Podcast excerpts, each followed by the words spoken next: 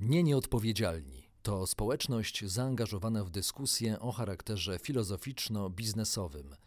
Naszym celem jest uwrażliwienie ludzi biznesu i nas, obywateli, użytkowników tego świata, na różne aspekty odpowiedzialności. Zapraszamy na spotkanie z kolejnym autorytetem, który pomaga zrozumieć i zmieniać siebie, a także rzeczywistość na lepsze.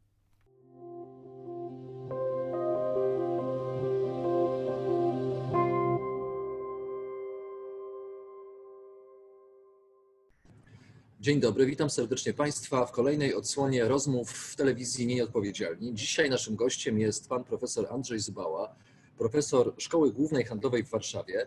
Nasz gość zajmuje się zagadnieniami polityki publicznej, dialogu społecznego, rządzenia, ale także konstrukcjami myślowymi, o czym ewidentnie świadczy książka Polski Umysł na rozdrożu, której przyznam jestem bardzo mm, wiernym wielbicielem i oddanym wielbicielem.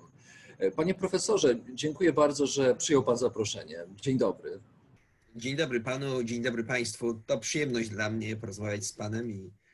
i, i. Nawzajem, muszę powiedzieć.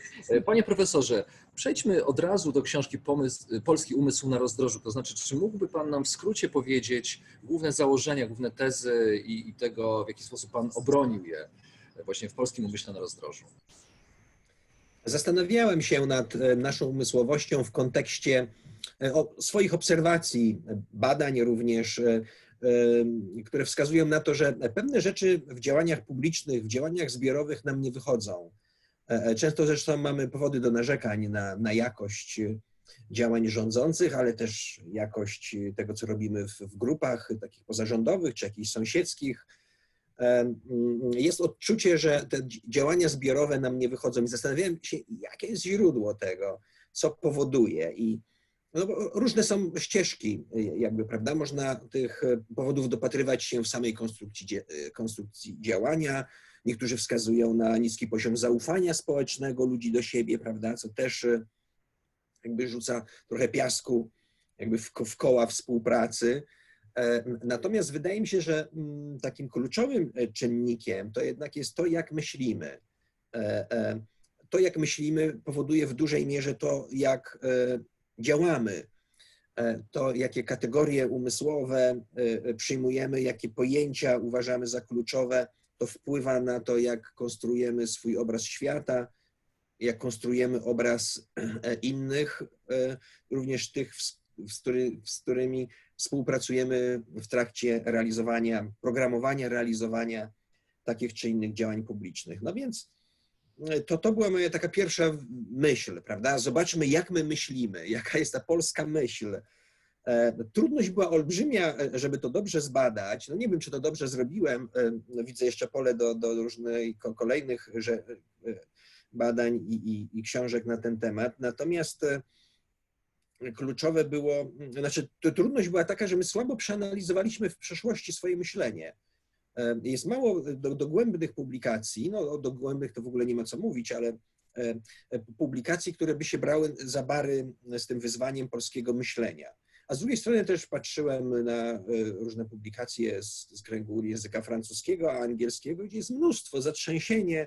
Oni analizują stale, prześwietlają się, rentgeny robią swojej głowy, że tak jak powiem, tworząc jednocześnie, znaczy odtwarzając te procesy umysłowe, jakie są specyficzne dla nich, a jednocześnie tworząc no, pewne instrukcje obsługi głowy, jak to napisał Czesław Bielecki u nas e, w, w książce właśnie, gdzie też próbował jakby sobie postawić to pytanie, ale e, e, no jakoś tam odpowiedział na to pytanie, natomiast no, to nie, nie jest to człowiek, który zajmuje się tym zawodowo na co dzień, podzielił się pewnymi Natomiast w przeszłości też było ileś tam takich prób, ale bardziej publicystycznych, takich gdzieś na boku, pisanych przy okazji pisania historii Polski, oceny dziejów, oceny wydarzeń.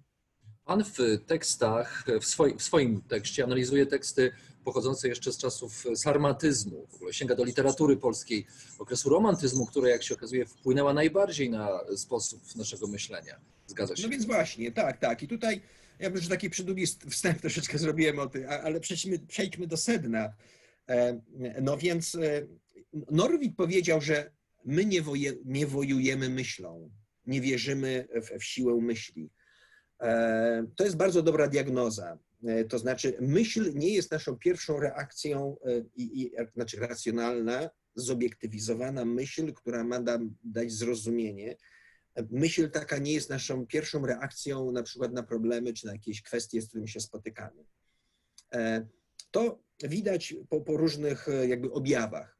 Dzisiaj spojrzymy na życie zbiorowe, umysłowe, ono, ono nie jest bogate. Prawda? Jeśli na przykład rządzący podejmują decyzje, ważne decyzje, rzadko budują wiedzę, rzadko analizują, może rzadko tak głęboko, odpowiednio głęboko analizują problemy, żeby dotrzeć do pewnego sedna struktury tego problemu i, i, i w oparciu o tę diagnozę zaprogramować działanie, zaprogramować implementowanie pomysłu i, i później jeszcze zewaluowanie rezultatów podjętego, zrealizowanego działania. No, można zapytać dlaczego. Czy, czy ta diagnoza jest, że nasza, można powiedzieć, nasze życie zbiorowe jest dosyć intelektualne? Dlatego, że my jesteśmy sami intelektualni? Czy to wynika właśnie z tego, że mm, no, porozmawiajmy szczerze, panie profesorze, czy Polacy w ogóle uczą się myślenia, tak? To znaczy, czy operują takimi kategoriami autoanalizy swojego właśnie zachowania? Potrafią, czy potrafimy myśleć po prostu? Znaczy, ja, ja myślę, że znaczy, społeczeństwo na pewno jest podzielone. Znaczy, mamy odłam społeczeństwa bardzo racjonalnego, analitycznie nastawionego, które używa instrumentów pogłębionej analizy, żeby zrozumieć zjawiska, które ich otaczają. Nie reagują wyłącznie instynktownie, analizują, tak jak powiedziałem, wyciągają wnioski, przeprowadzają te procesy takie mm, rozumowania przyczynowo-skutkowego, prawda, i szukają racjonalnej, racjonalnego wyjaśnienia pewnych zjawisk. E, ale to jest względnie, moim zdaniem, taka, nie wiem, nieduża chyba e, część społeczeństwa. Widzimy to po polityce, prawda? Ona jest zdominowana przez, e, przez emocje, przez jakieś wyobrażenia, fantazje w gruncie rzeczy. E, natomiast jest też część społeczeństwa, które mm, jakby miało historycznie trudny kontakt e, z taką pogłębioną kulturą e, intelektualną, czy w ogóle ich partycypacja w kulturze była dosyć ograniczona. Znaczy ja tu myślę w gruncie rzeczy o, o naszej historii chłopskiej w Polsce.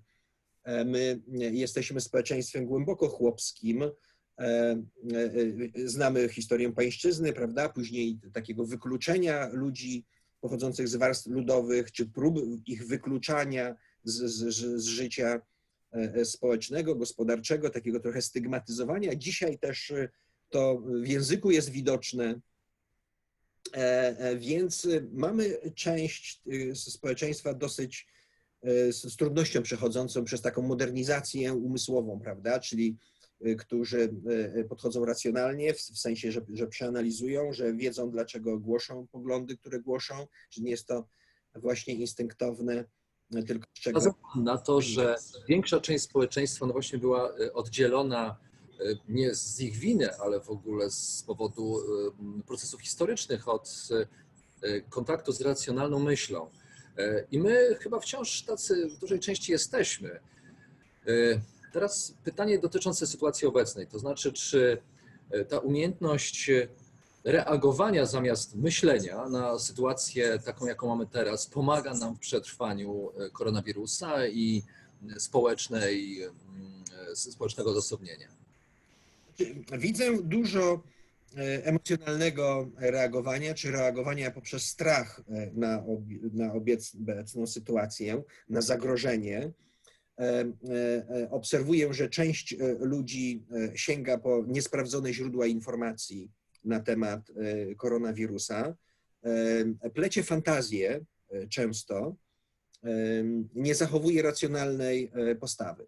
Ale też no, są źródła informacji, są, są ośrodki, strony internetowe, gdzie bardzo racjonalnie pisma, które bardzo racjonalnie to tłumaczą i w takim najlepszym duchu europejskim E, można było powiedzieć. Także e, e, widzę taki podział jak i w innych kwestiach, jaki istnieje, że część ludzi ulega właśnie swoim fantazjom, nie sięga, nie, nie, nie uzasadnia, nie, nie, nie, nie rozumie, że są źródła, nie wiem, sprawdzone, zasadne, które powołują się na badania, no i są źródła, prawda, które wpychają nas w jakąś depresję ze względu na to, że wyolbrzymiają to, że, że tworzą mgławice jakichś dziwnych tajemnic wobec tego zjawiska.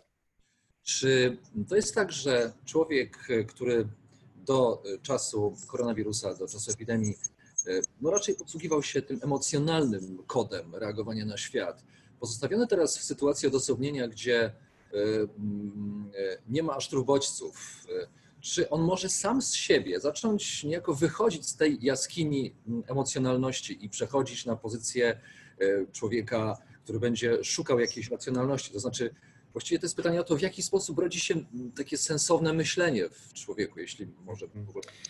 Ja, ja, myślę, że w tych warunkach będzie trudno e, tym, którzy mają problemy z racjonalnym myśleniem, wydobyć się ze, ze swojego dotychczasowego schematu funkcjonowania Wydaje mi się, że tą przeszkodą y, jest poczucie zagrożenia. Prawda? Nawet ci, którzy myślą w sposób zobiektywizowany, czy starają się myśleć w sposób zobiektywizowany, oni też odczuwają strach, prawda? Bo, bo można sobie e, wyobrazić pewną konstelację czynników, które e, mogą działać depresyjnie, prawda? Ale takie osoby, które mają naturalne skłonności, nigdy nie praktykowały takiego zobiektywizowanego obrazu świata, to one mogą być w trudnej sytuacji emocjonalnej. Ja mam kilka takich e, przykładów osób, które e, znaczy jakoś tam obserwowałem i one są w bardzo złym stanie emocjonalnym, bo one często mają skłonność na przykład sięgania do mediów społecznościowych, tam grzebania i są bardzo silnie narażone na wydobywanie informacji bardzo e, depresyjnych, negatywnych, które tworzą to kłębowisko zagrożeń i, i, i e, no, bo, boję się, że ci ludzie mają gehennę, że są w jakimś takim piekiełku swoim. W jaki sposób e, w ogóle podtrzymywać racjonalność w sobie? Starać się no właśnie dobudowywać kolejne cegiełki do e, racjonalności, czy takiego spokojnego reagowania w sytuacji, która jest w ogóle irracjonalna.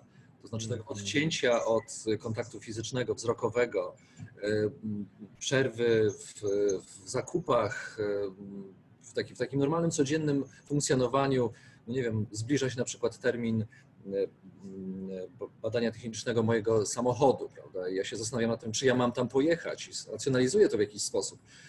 W, drugi, w gruncie rzeczy jest to decyzja bardzo no, odwołująca się jednak do emocji, jechać czy nie jechać.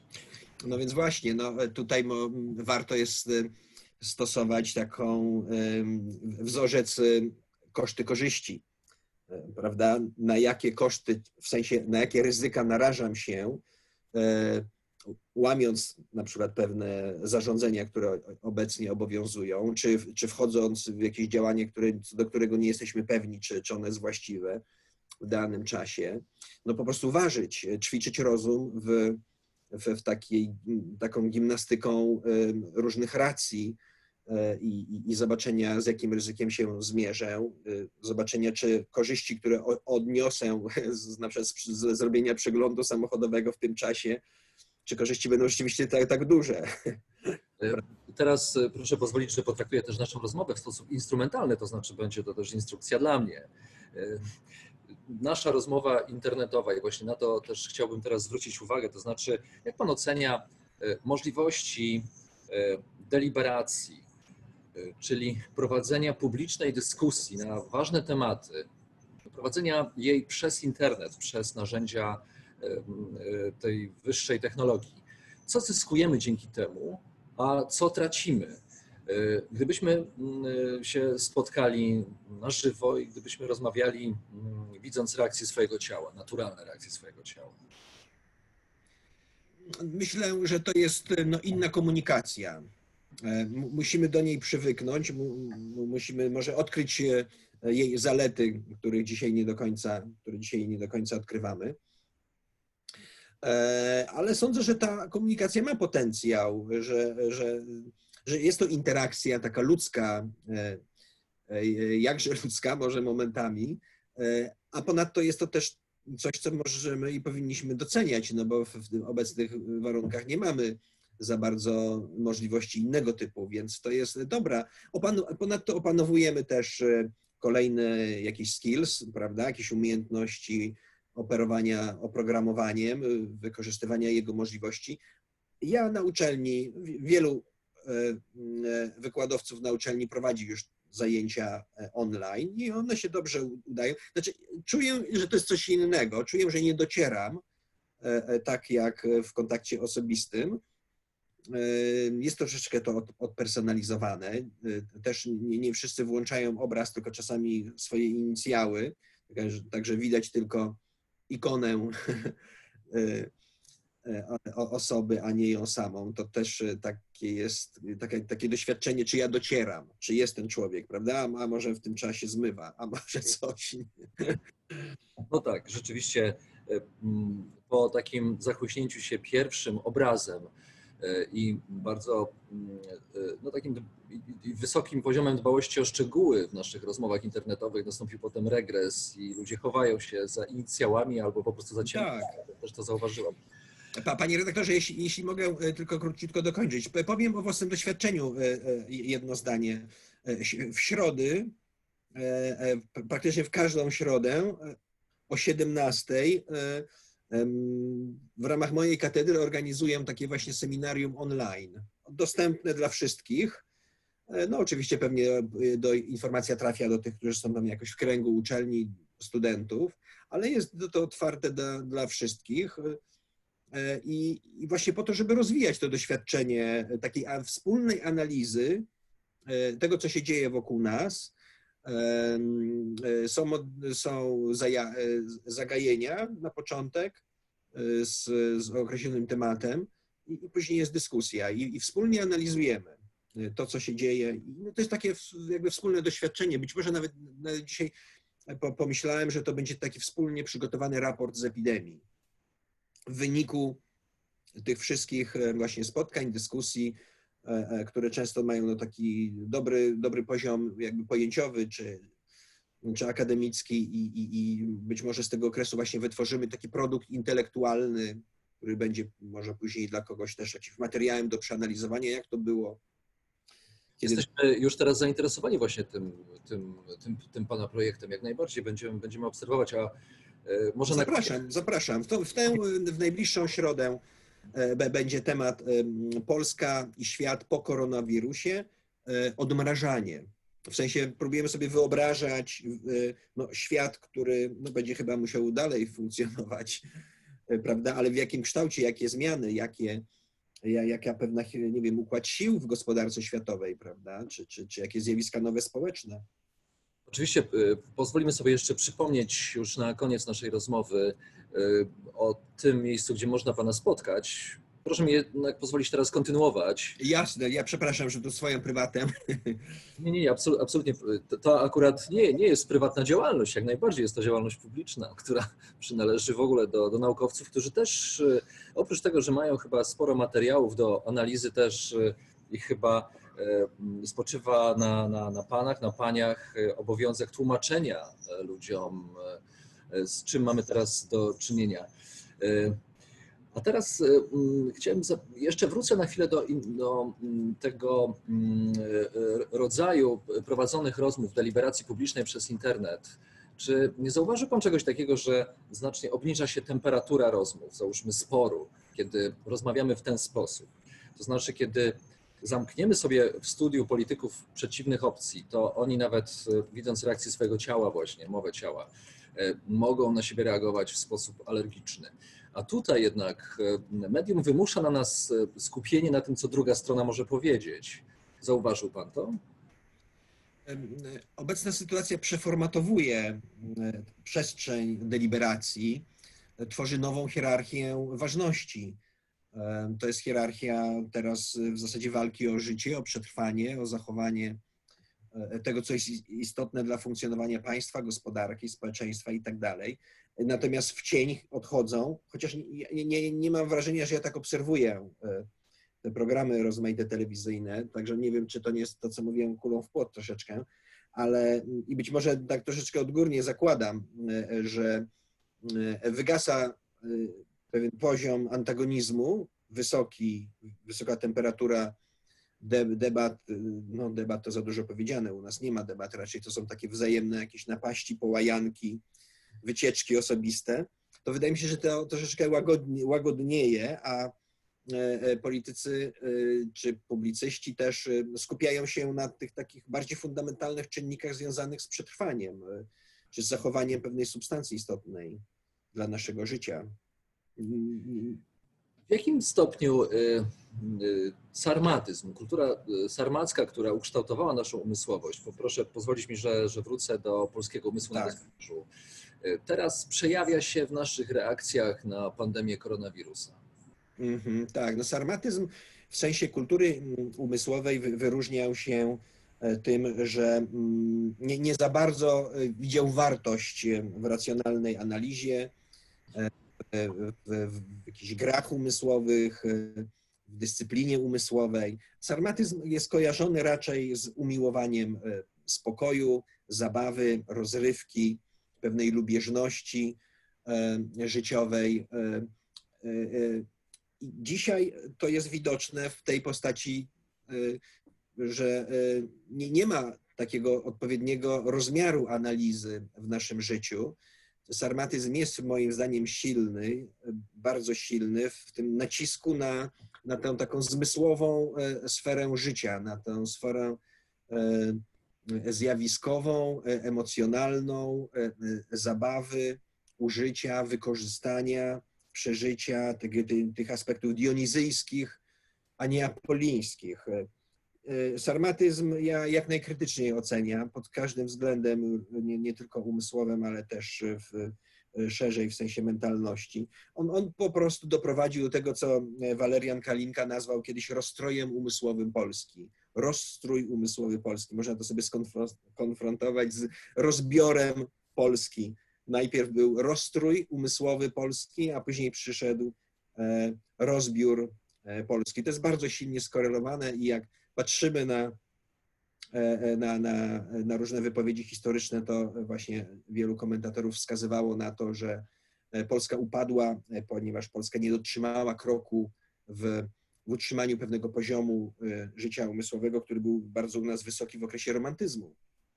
Przepraszam, co ja mówię, renesansu. Renesansu, renesansu. Renesansu oczywiście, tak. Romantyzm był największym upadkiem myśli. Czy y, w sarmatyzmie można znaleźć też źródła naszej niechęci do obcego, wręcz wrogości do obcego? I zastanawiam się nad tym, czy, czy obecna sytuacja jakimiś kanałami nie spowoduje, że my, chociażby poprzez fakt zamknięcia granic, nie zaczniemy na poziomie społecznym właśnie albo się sami odradzać, albo to nie będzie jakoś sterowane. I, I poszukamy sobie na zewnątrz znowu przyczyn tego, co się obecnie wydarzyło. Mhm, tak. E, sarmatyzm ma wpływ na, na stosunek do innych, e, w sensie do obcych, do odmiennych, w tym sensie, że nie rozwinął e, czy blokował myśl zobiektywizowaną, zdolność do, do zrozumienia. Bo poradzimy sobie z kontaktem z innym, dobrze sobie poradzimy, dobrze przeprowadzimy ten kontakt, jeśli rozumiemy drugiego jeśli nie postrzegamy go właśnie jako zagrożenie, a postrzegamy go jak, jako szansę e, na to, że on nas wzbogaci, że on nam przyniesie myśl, która nas wzbogaci i, e, i, i, i ma to znaczenie. Natomiast e, sarmatyzm i jego sielskie, anielskie tendencje do życia sielskiego, anielskiego, w gruncie rzeczy zamkniętego, bo w sensie przecież fizycznym, prawda, sarmatyzm to jest okres Polski folwarków, ziemiańskich, szlacheckich e, folwarków, e, dworków, to był świat zamknięty do bardzo wąskich grup takich rodzinno, gdzieś tam klanowych, którzy, które bardzo dobrze się czuły wewnątrz, ale konfrontowane ze światem zewnętrznym, to już ich świat wtedy trzeszczał, bo oni nie rozumieli, nie, nie, nie mieli tego pojęcia właśnie wzbogacenia przez to, co jest na zewnątrz, tylko raczej no to, to jak świetnie jest wewnątrz.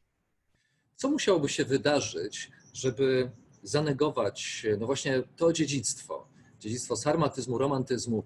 Jaka katastrofa zewnętrzna albo jaka, jaki atraktor zmiany musiałby nastąpić, aby, mm, abyśmy no, może weszli na, na ścieżkę właśnie oświecenia, neooświecenia, po, poszukuję tak na, na gorąco teraz odpowiedzi.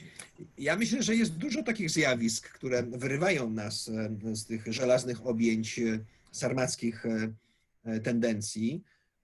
Funkcjonowanie Polski, wielu Polaków w środowiskach międzynarodowych, zachodnich, konfrontowanie się z tymi środowiskami, z płodami ich myśli, ich koncepcją, sposobem funkcjonowania, działania, no w ogóle funkcjonowanie Unii Europejskiej jest takim wyzwaniem umysłowym. Dalej, cała urbanizacja, z którą mamy dzisiaj do czynienia, prawda? Widzimy rozwój miast.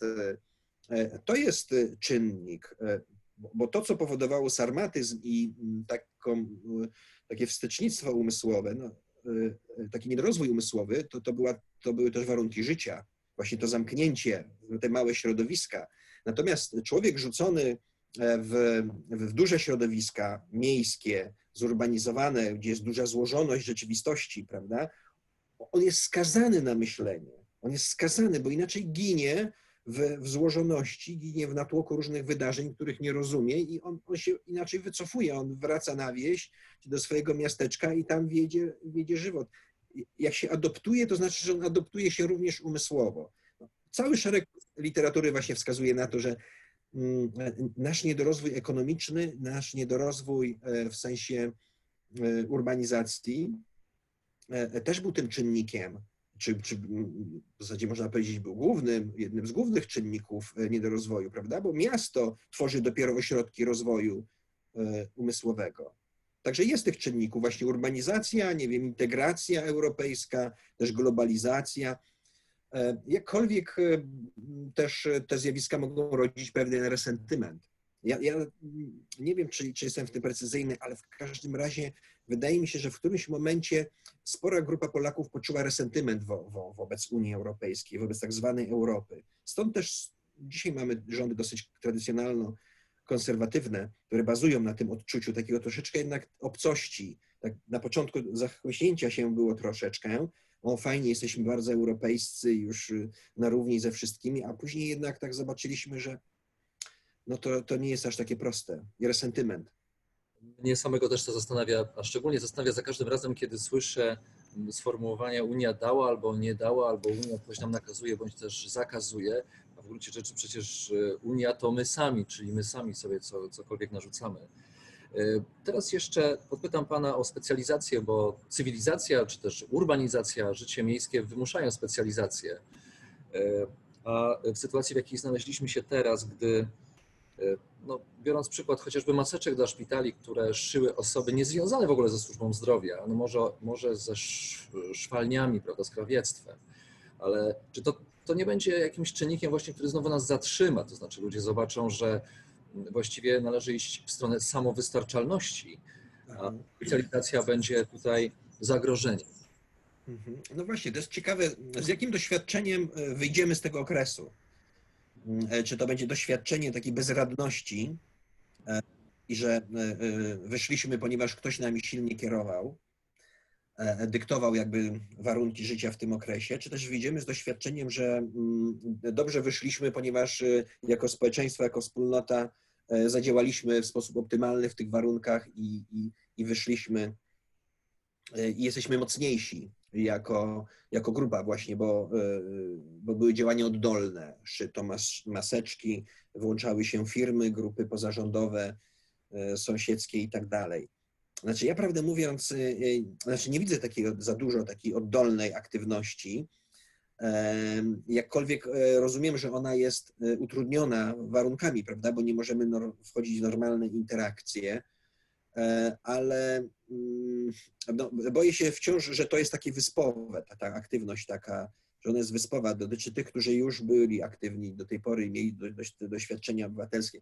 A z drugiej strony boję się też e, konsekwencji sposobu działania rządzących obecnie, które uważam, e, że są e, niewłaściwie skonfigurowane i niewłaściwie realizowane. To znaczy, w szczególności chociażby taka postać ministra zdrowia E, prawda? E, I konfrontuje to z tym, co obserwuje na przykład w Wielkiej Brytanii. U nas minister zdrowia zazwyczaj występuje, czy prezentuje jakieś rzeczy mówiąc o, o działaniach, które on podejmuje, czy, czy rząd podejmuje, występuje często sam e, i jakby bierze ten, ten cały przekaz na siebie i na inicjowanie, prowadzenie, realizowanie, ewaluowanie tych wszystkich działań. To jest dramat. I jeszcze ten człowiek też epatuje swoim własnym romantycznym poświęceniem E, e, a to jest dramat właśnie. To jest, tak, to jest taka romantyczna kalka e, wielkiego lidera, który wyprowadzi naród na spokojną wodę. Prawda? Natomiast ja wyobrażam sobie jak. Minister buduje zespół, buduje koalicję ludzi, organizacji, firm, nauki przede wszystkim, ludzi nauki i pokazuje jakby me mechanikę działania, że on buduje system działania, a nie, że on jest tutaj takim niezbędnym czynnikiem, jeszcze takim, takim sosie beznadziejnie romantycznym, prawda? On ma pokazać nam właśnie podwalinę, nie wiem, taką naukową, technokratyczną, logistyczną, jak my możemy z tego wyjść, prawda? I że, że oparcie się na nauce, na wiedzy, na sprawności działania, to nas wyprowadzi z tej sytuacji, prawda? A on raczej pokazuje nam, że ja was poprowadzę, bo jestem super, ja się poświęcę, nie będę spał tydzień, dwa, miesiąc i, i wyjdziemy z tego, prawda? To jest, to, jest, to jest dziecinne, to jest niebezpieczne i, i, i to nie buduje wspólnoty. Panie profesorze, wydaje mi się, że to jest zachęta do tego, żeby poprosić Pana o kolejną rozmowę, w której, w której moglibyśmy poruszyć ten właśnie temat, to znaczy w jaki sposób polityka stara się zarządzać obecną sytuacją, czy to, czy to sytuacja przerosła politykę, a może odwrotnie, może jej właśnie odpowiada i w jaki sposób to może w ogóle wpłynąć na naszą zbiorowość, na nasze społeczeństwo nie powiem na Polaków i Polki, ponieważ e, chyba, chyba bardziej nam zależy wciąż na budowaniu społeczeństwa niż wspólnoty narodowej, do której jesteśmy chyba bezwarunkowo przywiązani. E, a teraz e, jeszcze przypomnijmy, gdzie można spotkać pana profesora w ramach zajęć na, na Akademii. Tak, tak. No więc środa, prawdopodobnie to będzie każda środa, ale to należy jakby się zupdate'ować, nie? czy, dany, dany, czy w danej, danym dniu środa jest aktualna. O godzinie 17 na Facebooku, zawsze jest informacja na Facebooku e, Katedry Polityki Publicznej SGH. E, na kilka dni przed e, daną środą na pewno będzie informacja o, o tym. Bo... W tym momencie niestety, ale wydaje mi się, że dosyć nieszczęśliwie obciążona sieć zerwała połączenie z panem profesorem. Pozwolę sobie więc samodzielnie zakończyć tę rozmowę, na szczęście, którą udało nam się doprowadzić prawie do samego końca. Szanowni Państwo, Panie i Panowie, dziękuję bardzo za uwagę. Pana profesora pozdrowimy w naszym wspólnym imieniu i tak jak zasugerowałem, na koniec będziemy starali się znowu przyciągnąć go do telewizji nieodpowiedzialnych. Dziękuję bardzo.